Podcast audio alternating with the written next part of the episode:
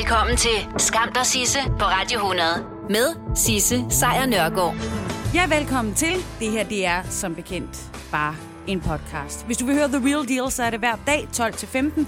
Men nu har jeg altså samlet det, som jeg synes, der er skamløst godt fra sidste uges program i en podcast til dig. Hey, det var så lidt. Nå, det skal handle om øh, noget andet. Og det er øh, noget, noget helt andet. Nemlig om, øh, om du er øh, lækker.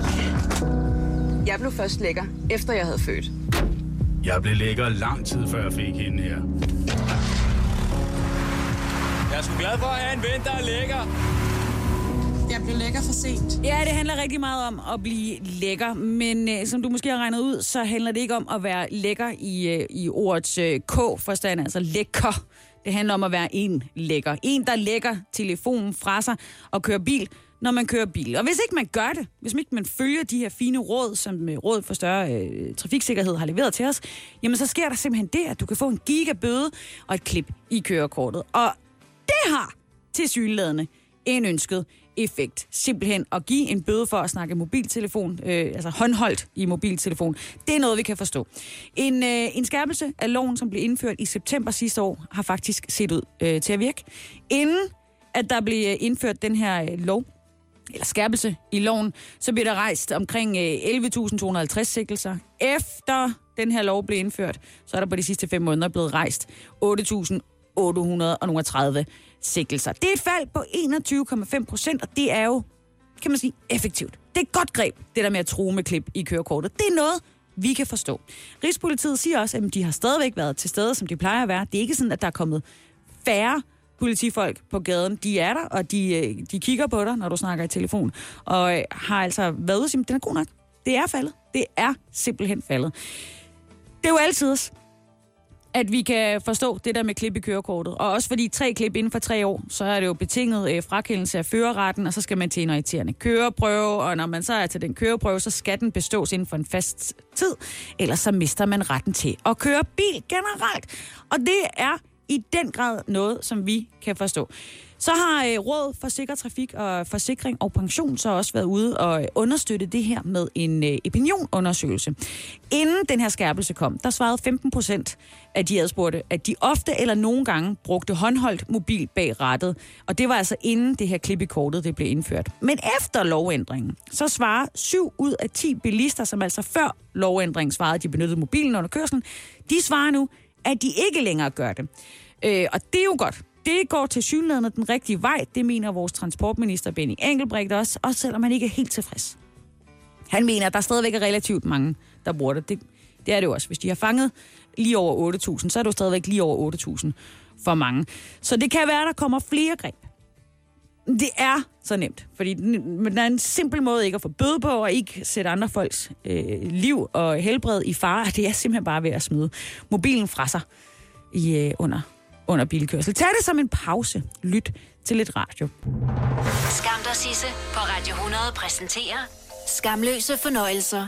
Det er en god nyhed, det her. Vi bliver ældre og ældre. Siden øh, starten af 1990'erne, så er middellevetiden for danskere stort set steget uafbrudt.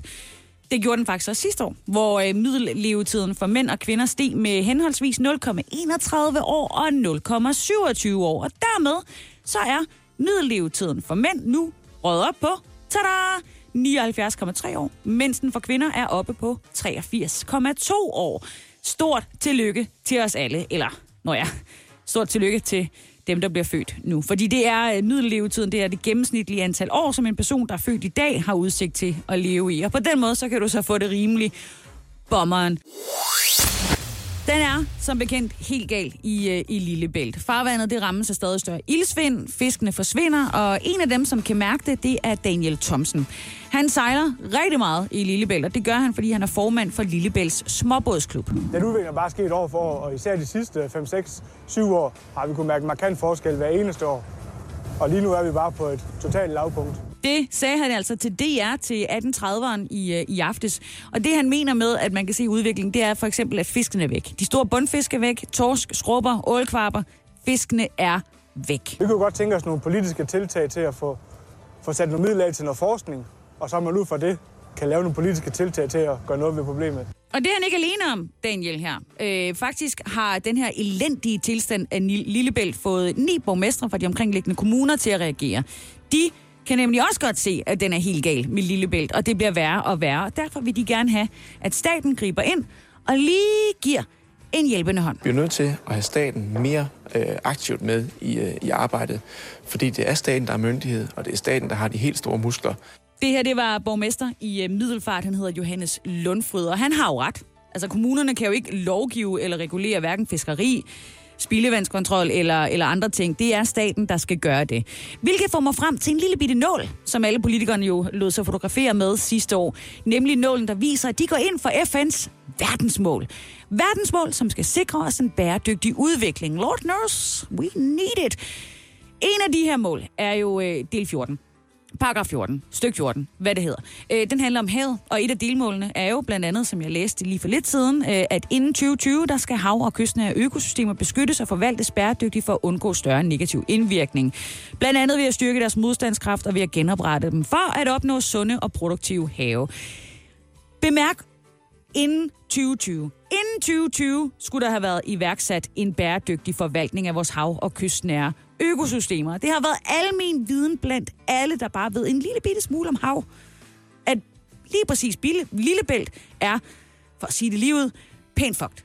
Så hvorfor er der ikke allerede grebet ind i og med, at vi per 1. januar skulle have været klar med en plan? Jeg fatter det ikke. Og det gjorde de heller ikke i, øh, i områderne omkring Lillebælt. Men borgmesterne fik altså hævet vores øh, miljøminister Lea Wermelin fra Christiansborg til Kolding.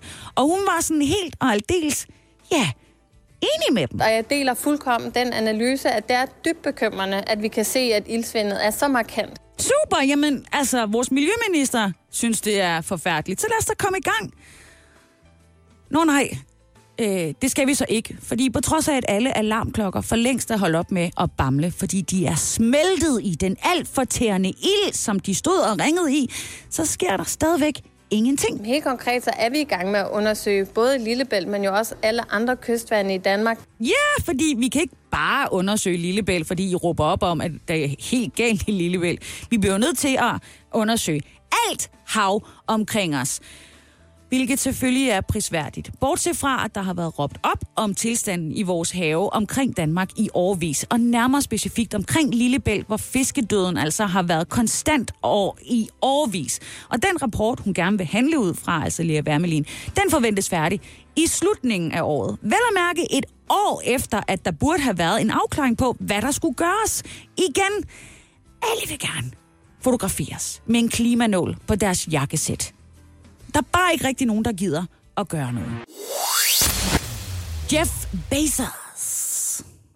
Sikke en, øh, en rig type han er. Han er faktisk verdens rigeste mand, og jeg har før snakket om, at hvis han bare besluttede sig for at gøre noget med de mange milliarder af dollars, han besidder, så kunne vi faktisk øh, muligvis gøre noget ved de her klimaforandringer.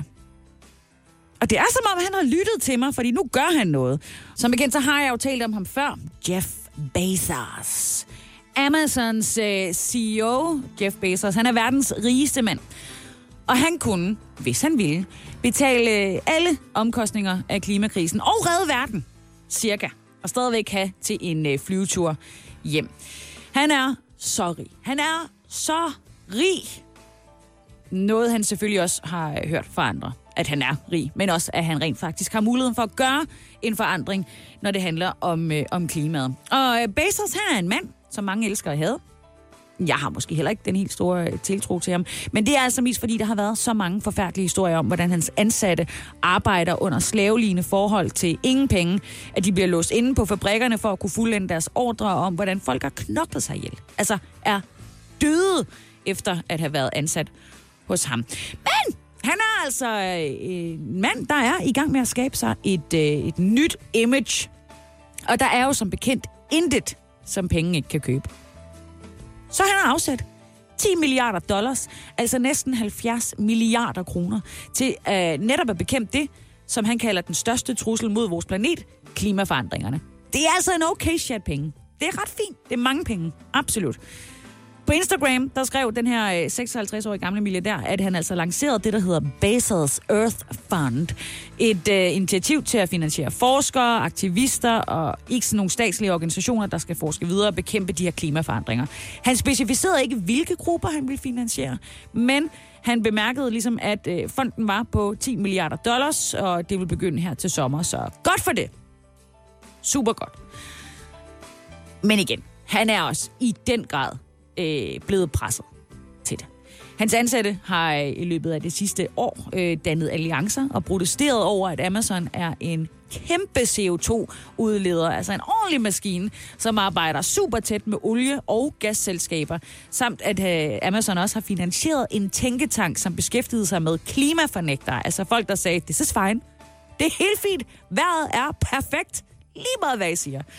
Så når Bezos han smider næsten 70 milliarder kroner ind i en fond, så er det nok ikke ene og alene, fordi han er en good guy pludselig. For det er han ikke. Alt taler imod det. Men han er en fyr, som gerne vil se godt ud, og der kan man faktisk godt købe en del god forskning for 70 milliarder kroner. Så det er jo faktisk også meget fedt. Skam dig, Sisse, på Radio 100 præsenterer Skamløse fornøjelser. I, øh, I aftes, der fik øh, mi, øh, min familie og jeg, vi fik øh, vegetarboller øh, i øh, kaj til aftensmad. Det var ikke øh, specielt lækkert. Til gengæld så spiste vi, mens vi fik en ordentlig øh, dosis Michelin-stjerner. Ja, vi så tv til aftensmaden, så skyd mig. Men vi, og ja, nu går jeg i øh, landsholdsmode, øh, når jeg snakker om de danske konge. Vi fik Michelin-stjerner, gjorde vi. Uh, vi gjorde. Rasmus Munk, 28 år gammel, altså en purk. Han gik fra at satse alt på sit eget lille restaurant på Østerbro i København, Alkemist, til at få 80 millioner, eller mere formentlig, kastet i nakken. En øh, kæmpestor, smuk restaurant på Refshaløen, som også gik videre med det navn, han lagde ud med, nemlig Alkemist. Jeg har spist begge steder. Det er så sindssygt. Men for Rasmus Munk, som jo er kokken bag det hele, så var det jo bare et lille eksperiment. It's a, it's a little experiment, and I'm, I'm, I must say I'm really grateful to say uh, and to see the Michelin Guide embracing this kind of uh, experience. Bare et lille eksperiment. Bare et, et lille eksperiment, som han vel og mærke fik to stjerner for. To Michelin-stjerner. Det er fuldstændig uhørt i første hug. Eller det er det ikke mere, men det var det engang. Og stadigvæk. Virkelig, virkelig flot. To Michelin-stjerner til øh, Alkemist på, øh, på øh, Refsaløen i København. Og så var der også et andet restaurant herhjemme, op i, øh, i Gentofte, altså i Gentofte. De har også modtaget to stjerner. Virkelig, virkelig flot. Det var restaurant øh, Jordnær, som fik dem. Og modsat øh, Alkemisten, så gik restauranten fra at have en stjerne sidste gang, til nu at have to stjerner. Og her er det altså kokken på øh, restaurant Jordnær, Erik Vilgaard. It's uh, it's nice to see that all our uh, all our um, hard work pays off. And guys back in Denmark, in Copenhagen, sitting watching now, this one is for you. Yes, it's very nice to hear you speak uh, English as well, and congratulations with the, the stars. Det er fandeme flot. Noget, der også er flot, det er den danske restaurant Geranium, som altså har tre Michelin-stjerner. Fuldstændig uhørt. Virkelig, virkelig flot. Øh, de beholder dem, og øh, derudover så kan man sige, at de også fik lov til at få en yderligere ære, da deres chefkop, øh, chefkop ja, de har alle sammen et t-sæt, og så er der en chefkok. Der var den. Rasmus Kofod. Han, øh, han fik også en pris for at være den bedste mentor. Det er også en rimelig nice øh, ting at kunne få, at han udover at være en kok, også faktisk er en general fed fyr. Så altså det danske landshold, om man vil, i restaurationsbranchen, de rockede derudad i aftes. Udover Alkemist og Jordnær, så har Kado, AOC, Noma, øh, Henne Kirkeby Kro øh, i, øh, i Henne, også øh, to stjerner, og så har Geranium altså tre, og så har vi jo selvfølgelig også en håndfuld mennesker derude, som har en stjerne på deres restaurant, hvilket er flot. Som sagt, en stjerne er, at det er en rigtig god restaurant i sin kategori. To stjerner betyder, at det er en omvej værd. Tre stjerner betyder, at det her det er en restaurant, der er værd at rejse efter. Skam dig, Sisse, på Radio 100 præsenterer Skamløse fornøjelser. I weekenden så var der som øh, bekendt Melodi Grand Prix i Norge, og det gik ikke skide godt faktisk. Øhm, Norges øh, statslige radio- og tv-station, altså deres svar på DR, som hedder NRK, de risikerer i hvert fald nu at møde krav om erstatning efter det her Melodi Grand Prix, fordi at øh, det var ikke øh, godt med deres tekniske afvikling. Den 31-årige øh, sanger Tone Damlis manager, øh, som hedder Erik, øh, eller David Eriksen, han vil i hvert fald være ude og kræve en erstatning for NRK. Det har han været ude at sige til den norske avis Verdens Gong. Det sker altså.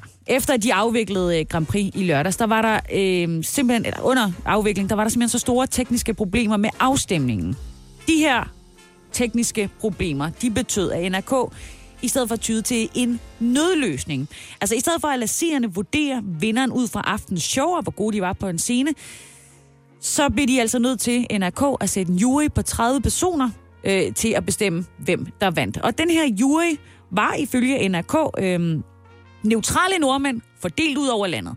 Problemet var bare, at den her jury, som ligesom gav deres stemmer, allerede havde afgivet deres stemmer fredag, og det havde de gjort ud fra en lydoptagelse, og at de havde dermed hverken set sangerens sceneshow, øh, hvordan vedkommende var på scenen, og i det hele taget, de havde ikke set det, de havde bare hørt en lille lydfil, og det er altså ud fra det, de vurderede, hvem det var, der skulle vinde i lørdag. Så det det kan man sådan set godt forstå, at de andre deltagere er blevet rasende over. Og ikke bare ras, altså ikke bare deltagerne, også formanden for det norske øh, MGP-klub Bond, altså en fanklub, har været ude og kalde det en skandale. Altså det her er en live-konkurrence, og derfor skal sangerne øh, bedømmes ud fra deres live-optrædende, ikke ud fra en lydfil.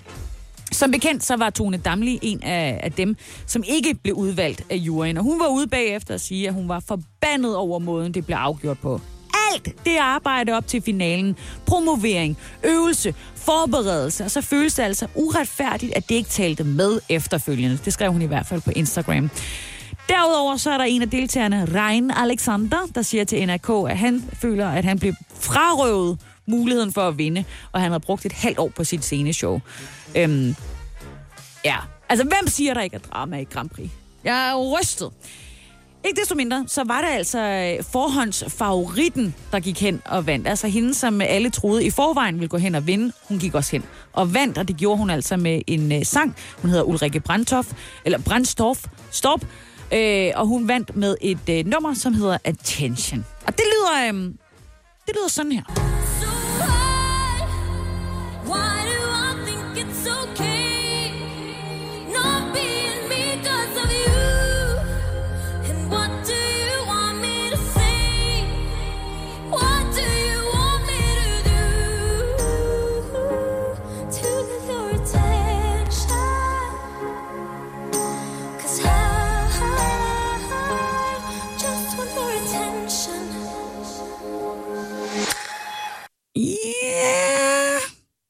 Altså det, de har besluttet sig for at, at stille op med i, øh, i Norge. Altså 24-årige øh, Ulrikke Ulrike Brandstorp og hendes sang Attention. Og der vil jeg bare sige, det kunne have været værre. Det kunne have været bedre. Ikke desto mindre, så ved vi jo øh, først øh, herhjemme, hvem vi øh, kommer til at sende afsted til Eurovision. Og det gør vi den 7. marts, så øh, det bliver... Ah, det bliver godt. Skam dig, Sisse, på Radio 100 præsenterer Skamløse fornøjelser.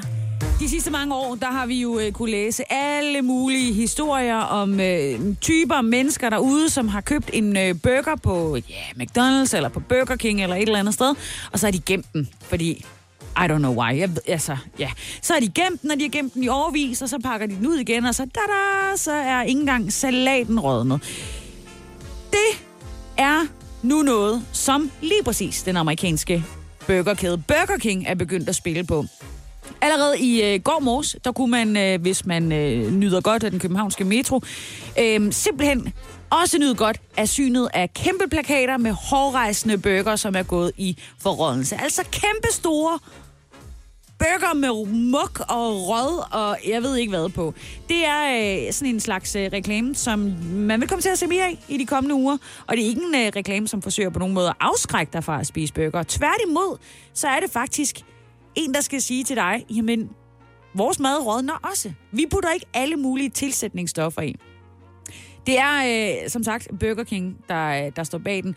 Og det, de rigtig gerne vil vise, det er, at, øh, at det her er, som sagt, burger, der kan rådne. Det er også derfor, der ved siden af de her rådne og mugnede og klamme, klamme bøger, der er spredt ud i kæmpe plakater i metroen i København, øh, står for eksempel øh, hashtag dag 35, for ligesom at indikere, at sådan ser en burger fra Burger King ud efter 35 dage. Og under burgeren, der står der så oversat til dansk lynhurtigt, øh, skønheden ved ingen kunstige konserveringsmidler. Det vil sige, alt går i forfald, hvis ikke at der er øh, tilsat alle mulige ting og sager. Og det er jo en, øh, det er jo en anden måde at reklamere for. Altså, jeg, jeg vil ikke sige, at det er noget, der får mig til at haste op af metroen igen for at løbe ind på den øh, nærmeste Burger King for at bestille en burger, men det er da i hvert fald en forrygende måde at kommunikere på, at deres lort også bliver til jord. Så, hey, bliver nødt til at prøve at reklamere for det. Skam dig, Sisse, på Radio 100 præsenterer dagens skamløse øjeblik. Jeg ved ikke, hvorfor jeg skulle brage den lyd ud i hovedet på dig. Ikke desto mindre, så skal det altså handle om noget, der øh, skete for 8 uger og en dag siden. Det var nemlig den dag, hvor vi alle sammen glæder os til at tænde julelysene på juletræet. Altså de er også som, øh, som holder den slags. Og som noget forholdsvis nyt i, øh, i øh, sidste år, så var der rigtig mange, som havde et juletræ inde i, i huset til låns fra naturen. Noget, de har betalt for i dyredommen. Netop det med ikke at skære eller fælde et træ, men simpelthen låne det. Det var øh, selskabet 100% Øko, som kørte en fremragende kampagne, hvor man kunne lege et juletræ i en potte, og det vil så blive afhentet efter jul, og så vil det blive plantet tilbage i jorden. Der var skrevet alle mulige fine ting om, hvordan man vil binde mere CO2 til jorden på den her måde, og man vil gøre det på den rigtige måde, og det var der mange, der hoppede på. Jeg var selv lige ved det. Virkelig fin idé. Bortset fra, at det, det var det så slet ikke. For her 8 uger, og som bekendt en dag senere, så er der flere kunder derude, som endnu ikke har fået hentet deres juletræ. Og på et lager i Brøndby, der står rigtig mange af de her træer, som så er blevet hentet. De står visner og har dyner af mug på sig, og det er jaks. Det er en historie, som DR's øh, fremragende detektor-magasin kører med, og man kan som bekendt øh, altid læse mere inde på DR's hjemmeside.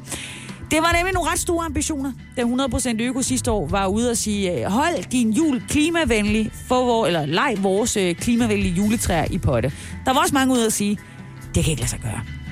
Det kan det ikke. For det første, så, så glemmer folk at, at vande træet, for det andet, så får det kuldechok og alle mulige ting og sager. Ikke desto mindre, så gjorde de det, og deres mål var at genplante 260.000 træer i 2019 og binde ca. 39.000 tons CO2 i de næste 15-20 år. Kæmpe fed idé! Sign me up! Men da Detektor så første gang kontakter 100% Øko, så oplyser virksomhedens ejer, at der altså kun er tale om ah, 3.000 juletræer. Altså cirka 257.000 juletræer færre end det, han havde reklameret for.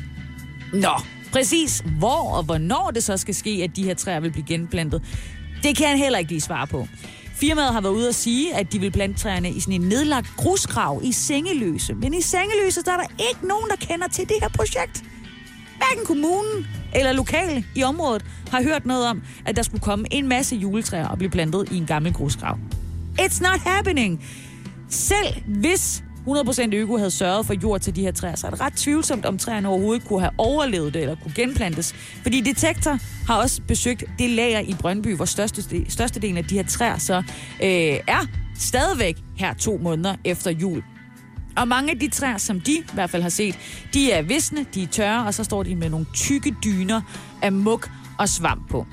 Og øh, på lageret, der er der altså hundredvis af nye og brugte juletræer. De er bare sådan kastet tilfældigt ind imellem hinanden. Og ja, det virker ikke som om, at der er nogen af dem, der er på vej ud for at binde CO2 nogen som helst steder. Det er en sindssyg historie om ja, en masse mennesker, der er blevet taget ved næsen. Og du kan læse det inde på øh, DRDK. Og måske kan du overveje, hvis du gerne vil køre en klimavenlig jul her i år, i 2020, at det kan være, at det bare skal være en, øh, en rigtig, rigtig fin stueplante, der skal pyntes op i år. Når du skal fra Sjælland til Jylland, eller omvendt, så er det Molslinjen, du skal med. Kom, kom, kom, bado, kom, bado, kom, bado. Få et velfortjent bil og spar 200 kilometer. Kør ombord på Molslinjen fra kun 249 kroner.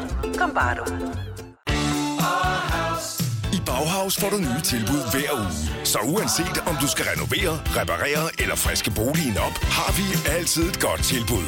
Og husk, vi matcher laveste pris hos konkurrerende byggemarkeder. Også discount byggemarkeder. Bauhaus. Altid meget mere at komme efter. Fagforeningen 3F tager fodbold til nye højder. Nogle ting er nemlig kampen værd. Og fordi vi er hovedsponsor for 3F Superliga, har alle medlemmer fri adgang til alle 3F Superliga-kampe sammen med en ven. Bliv medlem nu på 3F.dk. Rigtig god fornøjelse. 3F gør dig stærkere. Vi har opfyldt et ønske hos danskerne. Nemlig at se den ikoniske tom skildpadde ret sammen med vores McFlurry. Det er da den bedste nyhed siden nogensinde. Prøv den lækre McFlurry tom skildpadde hos McDonald's.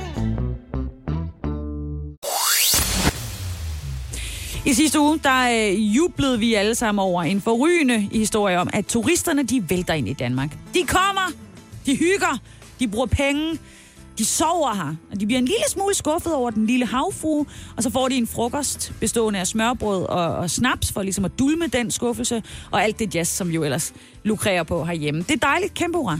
Men det ser ud til, at vi øh, alligevel i år kan vinke farvel til en af de helt store grupper af turister, nemlig dem fra Kina. Og lad mig bare sige det, som det er. Det er en god chat af kineser, der kigger forbi, øh, i hvert fald København. Øh, hvis du kigger på, hvor meget reklame, der er rettet mod øh, lige præcis dem, når du går ned og strøget i København, så er der skilte overalt på kinesisk. Ligesom der har været pyntet med kinesiske lamper i anledning af det kinesiske nytår. Og by the way, hvorfor taler vi ikke om det kæmpe knæfald det er, men ikke desto mindre. Vi har brug for kineserne, for der er ikke nogen danskere, som gider shoppe på strøget i København længere. Sådan er det bare. Men som så mange andre ting i verden, så øh, er det altså lige nu, at coronavirusen holder kineserne væk. I et normalt år, så vil antallet af kinesiske turister stige her i løbet af foråret og i løbet af forsommeren. Så det er lidt svært endnu at se, hvor stor en effekt den her virus kommer til at have på vores turisme, i, øh, i hvert fald i hovedstaden. Sidste år, der stod ki- øh, kinesiske turister for øh, knap 275.000 overnatninger i hoteller. Øhm, hvis du så tænker, jamen, kan vi så ikke bare regne med tyskerne i stedet for? Sådan, jo, det kan vi sikkert godt, men de stod altså til sammenligning kun for 17.000 overnatninger. Det er politikken, der skriver det her. Og øh, hotellerne, de skal uden øh, noget big bucks simpelthen sige, øh, det er fint nok, hvis I ikke har lyst til at komme. Øh, de skal betale, ikke betale depositummer, der skal ikke være nogen gebyr for at øh, afbestille. Det er det, der hedder force majeure, når der sker sådan en ting som en epidemi. Så det er, øh, det er, hvad det er. Oslobåden har også øh, simpelthen sagt, at de øh, ikke booker kinesiske øh, gæster ind for tiden, eller i hvert fald ikke kinesiske grupperejser ombord. Cirka 15-30.000 af Oslofærgens gæster er fra, fra Kina. Samlet set så rejser cirka 750-800.000 gæster med færgen i løbet af et år. Så det er også en slat, der kan mærkes. Og hvis den her epidemi fortsætter igennem længere tid, så bliver det altså især de butikker og virksomheder, som har målrettet sig de kinesiske turister. Og med rette, fordi de, de kommer, og de bruger penge. Det gør de virkelig. Øh, det er dem, der kommer til at lide under fraværet af de kinesiske gæster. Det øh, vurderer i hvert fald Wonderful Copenhagen. Det er mange penge, de ligger. Kinesiske ferierejsende bruger i gennemsnit cirka 2.380 kroner per døgn. Det er penge lige ned i lommen, og hvis du så lægger det oveni med, eller ganger det med, hvor mange der kommer, så er det så gode penge. Men det er ikke kun herhjemme, at vi kan mærke coronaviruset. Det er øh, ikke bare turismeorganisationer og så videre, der bliver ramt på, øh, på den. Det er også en anden branche, som bliver ramt og går i knæfald. Coronaviruset, det presser altså verdensøkonomi på alle måder. Turismen, ja, handel generelt, helt sikkert, men så sandelig også showbiz. Øhm, det koster milliarder, simpelthen. I Kina, der er store kunst- og modebegivenheder aflyst. I øh, USA, der udskyder de kunstaktioner, og, og, og det, det kan mærkes, det, det koster knaster det her. I Kina, der var det først Shanghai Fashion Week, som blev udsat på øh, ubestemt tid. Så aflyste arrangørerne bag Art Basel, som er en af verdens største kunstmesser, de aflyste deres øh, årlige messe i Hongkong. I dag, der skulle Kinas øh, nationalopera have optrådt i, eller optrådt i, øh, i Berlin med en uh, nytårskoncert. Den er også aflyst, fordi kunstnerne må simpelthen ikke forlade Kina. Og alt sammen er jo på grund af det her udbrud af coronaviruset. Sygdommen har ifølge de kinesiske myndigheder kostet 1700 mennesker livet, men heldigvis så er antallet af nye smittetilfælde faldende. Det er altid noget. Alligevel, så er det sådan, at øh, biografer, museer og attraktioner generelt er, er lukket over det meste af Kina. Ingen turister kan lige nu se den forbudte, forbudte by i øh, Beijing. Vildt sted at besøge, har været der. absolut noget, man gerne, øh, gerne må se, hvis man er på de kanter, bevares. Øh, og det er der mange, der er. Normalt så har der øh, 16 millioner besøgende om året i den øh, forbudte by. Og den kinesiske øh, regering har så derfor øh, opfordret, som man vil kalde det, når man siger, det gør I bare, øh, deres øh, museer øh, til at publicere udstillinger online, så folk kan se dem øh, derhjemmefra, uden at smitte eller blive smittet. Biografpremiere er blevet sat til øh, streamingpremiere, øh, og der er også en øh, aflyst musikfestival, som altså har lagt deres øh, hjemmeoptagelser fra kunstnere op på en, en hjemmeside. Not quite the same, men altså, man kan jo sige, de gør hvad de nu gør, så almindelige kinesere i hvert fald ikke misser så meget. Kulturbranchen til gengæld i Kina misser rigtig mange indtægter, og det kan altså mærkes. Øhm, man kan for eksempel sige med biograferne. Her under det kinesiske nytår i februar, der er der rigtig mange kinesere, der godt kan lide at gå i biografen, ligesom vi også godt kan lide det i juledagene. Sådan er det. Og øh, sidste februar, der var det sådan, at kinesiske biografer, de tjente 10 milliarder kroner under højtiden. Man kan sige, der var også lige uh, Avengers uh, Endgame, der var på der, ikke? Men 10 milliarder kroner er rimelig mange penge. I år, der bliver det kun til 26 millioner. Det er altså lidt af et fald i indtægter. Og det er ikke kun i, uh, i Kina, uh, at uh, kulturbranchen er blevet, uh, blevet ramt. Boston Symfoniorkester taber uh, muligvis op til 14,5 millioner kroner på en uh, Kina-turné, som også er blevet aflyst på grund af virus. Herhjemme, Copenhagen Fur har øh, forløbet udsat sin februar-auktion af 2 millioner minkskin til, til april. Øh, auktionshusene Christie's og øh, Sotheby's øh, har øh, udskudt deres forårsaktioner fra marts til juni, og det er alt sammen selvfølgelig i frygt for at blive øh, smittet. Og det afholder altså også øh, kinesiske, kinesiske kunsthaller fra at komme, øh, komme til byen. Kinas kunstmarked er jo et en rimelig hardcore spiller i kunstverdenen. Det er verdens tredje mest værdifulde marked, så det kan mærkes. Men et sted, som jo is, altså, hvor man virkelig tænker, det er fandme synd, det er, øh, at holdet bag James Bond-filmene, de netop har aflyst Beijing-premieren af den nye Bond-film, No Time to Die. Det skulle have sket den 10. april. Kommer ikke til at ske. Og at kalde det en økonomisk tung beslutning, det er, øh, det vil være, det vil være det mindste at sige. Seneste film, som der jo øh, udkommer, øh, øh, der udkom for, for nogle år tilbage, øh, det er den, der hedder Spectra, den indtjente 580 millioner kroner øh, alene for de kinesiske biografgængere. Og det er altså mange penge at vinke farvel til. Når nu man ved, hvor mange øh, Aston Martins, der skal skydes i stumper og stykker i den film, så er det altså, der er brug for indtægterne. Ja, så må vi jo bare håbe, at øh, der er nogen, der kommer og ser den herhjemme i stedet for. Yep, lidt kammermusik. Vi skal nemlig ud på de, øh, de bonede gulve. Og ja, altså hvis du lige sad og tænkte, jamen er det ikke, øh, er det ikke Mozart? Så jo, det er det. Og nej, du er ikke i Søsterne Grene lige nu. Det skal nemlig øh, handle om øh, det danske kongehus, for vi har nemlig fået en ny konge. Yes, en ny konge. Og nej, øh, dronningen er ikke abdiceret hen over natten og har efterladt kronen til kronprinsen. Vi skal faktisk øh, lige 700 år tilbage i tiden. Fordi Danmark har fået en ny konge, og den nye konge hedder Valdemar den 3. Og han regerede for knap 700 år siden. Nærmere bestemt fra 1326 til 1329. Hvorfor er det en big deal, tænker du så? Jamen, det, det er fordi, han indtil øh, for nylig ikke var indskrevet i kongehusets officielle kongerække. Men det er han blevet nu. Det skriver Jyllandsposten.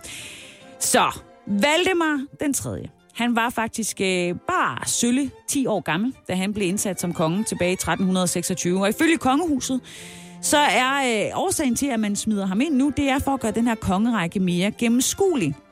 Fordi i den tidligere version af kongerækken, der var Valdemar den 3. sådan forholdsvis korte regeringstid øh, beskrevet teksten som om, at det var Christoffer den anden. Det var det ikke. Det var Valdemar, der var konge. Øh, Christoffer den anden, han overtog lige øh, kort tid efter igen. Men så øh, for ligesom at skabe klarhed, så har Valdemar den 3. fået sin egen plads i historien i kongerækken. Og det er da dejligt for Valdemar her 700 år senere. På sin øh, hjemmeside, der øh, beskriver kongehuset Valdemar den 3. som en slags marionet konge. Det vil sige, det var ikke rigtig ham, der bestemte. Det var Gerhard den tredje af Holsten. Og øhm, ja, som 10-årig, der kan man vel ikke rigtig klandres for, at man ikke lige selv kunne, øh, kunne tage så mange beslutninger. Han blev født i øh, 1315, han døde i øh, 1364, så du kan jo nok regne ud, at han ikke var konge hele sit liv. Og det er også rigtigt. Han, øh, han røg af igen, simpelthen.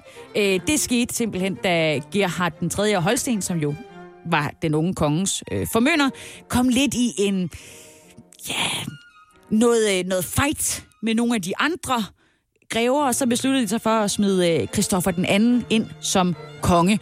Det holdt så øh, øh, to år, og så fulgte otte år derefter, hvor landet var uden konge. Men øh, Valdemar den tredje, han, øh, han fortsatte øh, sit liv, som sagt, helt indtil 1364, og var i øvrigt hertug af Sønderjylland. Og Det vil jeg bare sige, det er ikke, det er ikke så skidt at være det.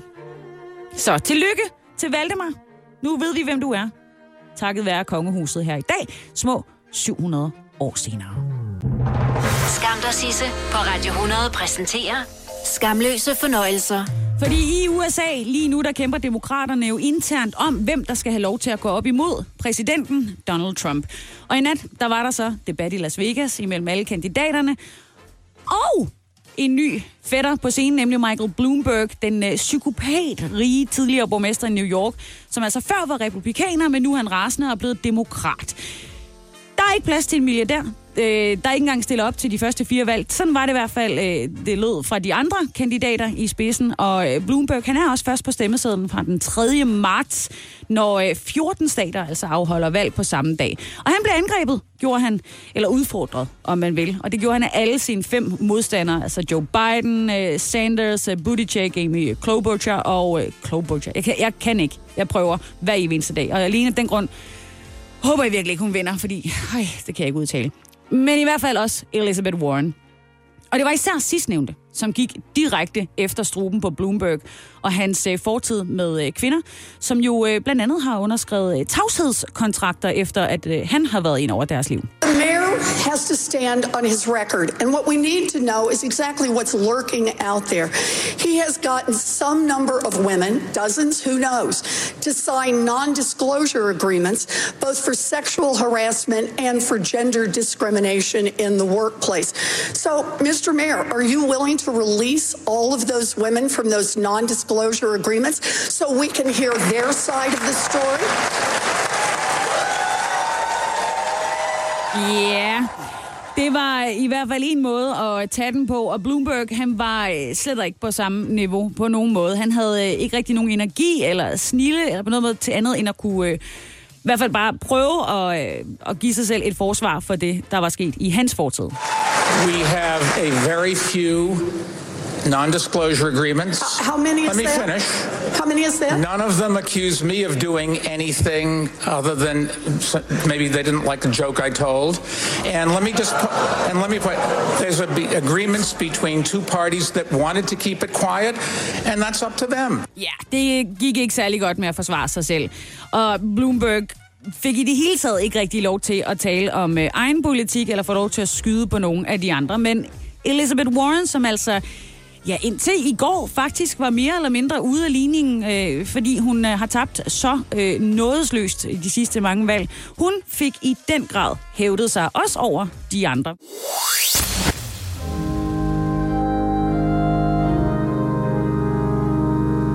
Ah, så skal du med i kirke. Det er der jo et øh, jævnt gode øh, odds for, at øh, det ikke er et sted, du kommer særlig ofte. Folkekirken har haft nogle ret svære år med ret mange udmeldelser. Øhm, det er som om, at øh, danskerne ikke rigtig øh, kan se sig selv som værende øh, medlem af den klub længere. Men sidste år var faktisk det år, hvor der var færrest danskere, som meldte sig ud af Folkekirken. Der var færrest, der tænkte, jeg gider ikke mere. 9.485 udmeldelser blev det til i øh, 2019. Og det er det laveste antal udmeldelser i 12 år. Det skriver Kristelig Dagblad i hvert fald. Helt gal verden tilbage i 2012 og i 2016 for vores øh, troende venner i, øh, i Folkekirken. Der mistede de altså en, en del homies. I øh, 2012, der var det øh, simpelthen øh, indførelsen af et hvilesesritual for homoseksuelle, homoseksuelle, der satte gang i den offentlige debat.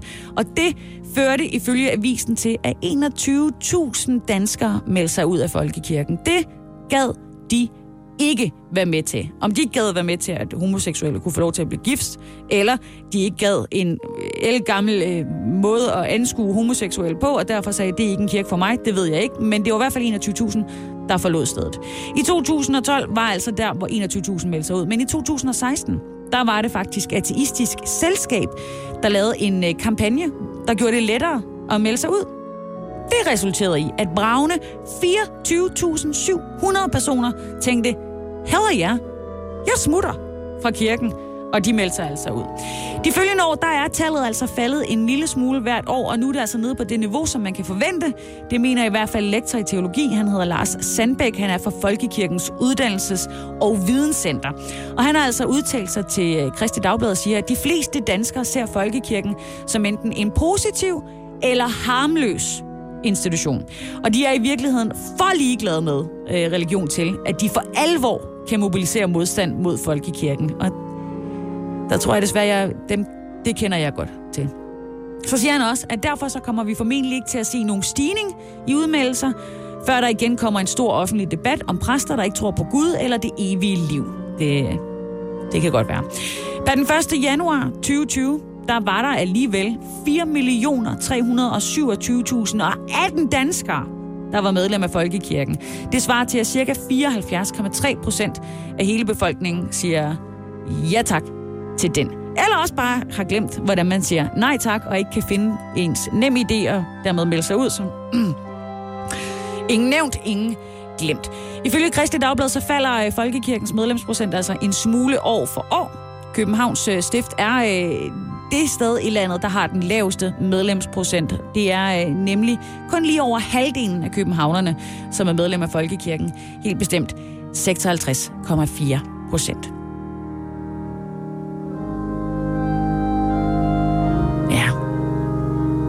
Man kan jo godt nyde lidt overspil, selvom man ikke er medlem af Folkekirken. Hvem mindre det går helt skidt for sig, og de siger, at jeg også skal betale for det. Skam dig, Sisse, på Radio 100 præsenterer Skamløse fornøjelser. Så kom der altså en uh, dato på i det britiske kongehus. Den uh, britiske prins Harry og hans hustru, hertuginden Meghan, de får efter den 31. marts uh, en ny status i det britiske kongehus. Det oplyser en talsmand for kongehuset ifølge BBC. Den 31. marts, der vil de ikke længere være øh, de såkaldte senior-medlemmer af kongehuset. De skal heller ikke øh, længere udføre opgaver på vegne af dronning Elisabeth. De nye roller for parret, det, øh, det er nogle, de kommer til at blive revurderet efter et års tid, altså hvad de nu skal være. Så det vil sige, der er en slags mus-samtale om et års tid, når de sådan har forsøgt sig med virkeligheden lidt. Men om der så også er et musehul ind i folden igen, det, det ved jeg så ikke. Parret vender tilbage til øh, Storbritannien her øh, i øh, slutningen af februar. Det gør de for at udføre de sidste arbejdsopgaver, om man vil. De, der er lige nogle ting, der skal klippes over, nogle snore, der skal knippes over. Knippes over, ja. Man kunne jo drømme. Øh, klippes over, der er nogle hænder, der skal rystes. Øh, og det gør de så i februar og i øh, marts. Og efter den 31. marts, der skal parret ikke længere udføre opgaver øh, på vegne af dronningen. Til gengæld betyder det så også, at de ikke længere må have et kontor på Buckingham Palace. Så det er ud. De må finde sig deres eget sted at være. Øh, og så skal de altså efterfølgende kunne repræsenteres igennem deres egen fond. Det er jo noget, parret har talt om, og det har været noget af et, øh, et cirkus i det hele taget, men de havde jo hinanden, og det vil de blive ved med at have, øh, har de været ude at sige. De vil gerne bevare den glæde, og de vil også gerne bevare det gode forhold. Så derfor øh, chokerede de jo os alle sammen, da de i januar sagde, nu gider de ikke mere, og øh, har derefter mere eller mindre bare brugt tiden i Canada. Harry og Meghan, de har øh, blandt andet øh, angivet, at det var den britiske presses skyld. Øh, de har været voldsomt meget efter øh, hertuginden, øh, og altså været sindssygt kritiske, både til hvordan de var klædt, til hvordan de agerede og hvad de sagde. Og det har de altså været ude at sige, det var en af årsagerne til, at de ikke længere ønskede at være en fremtrædende del af kongefamilien. Og jeg kan ikke rigtig andet end at bare sige, good for you. Vel? Altså, held, held og lykke og good for you. Skam dig, Sisse, på Radio 100. Med Sisse Sejr Nørgaard.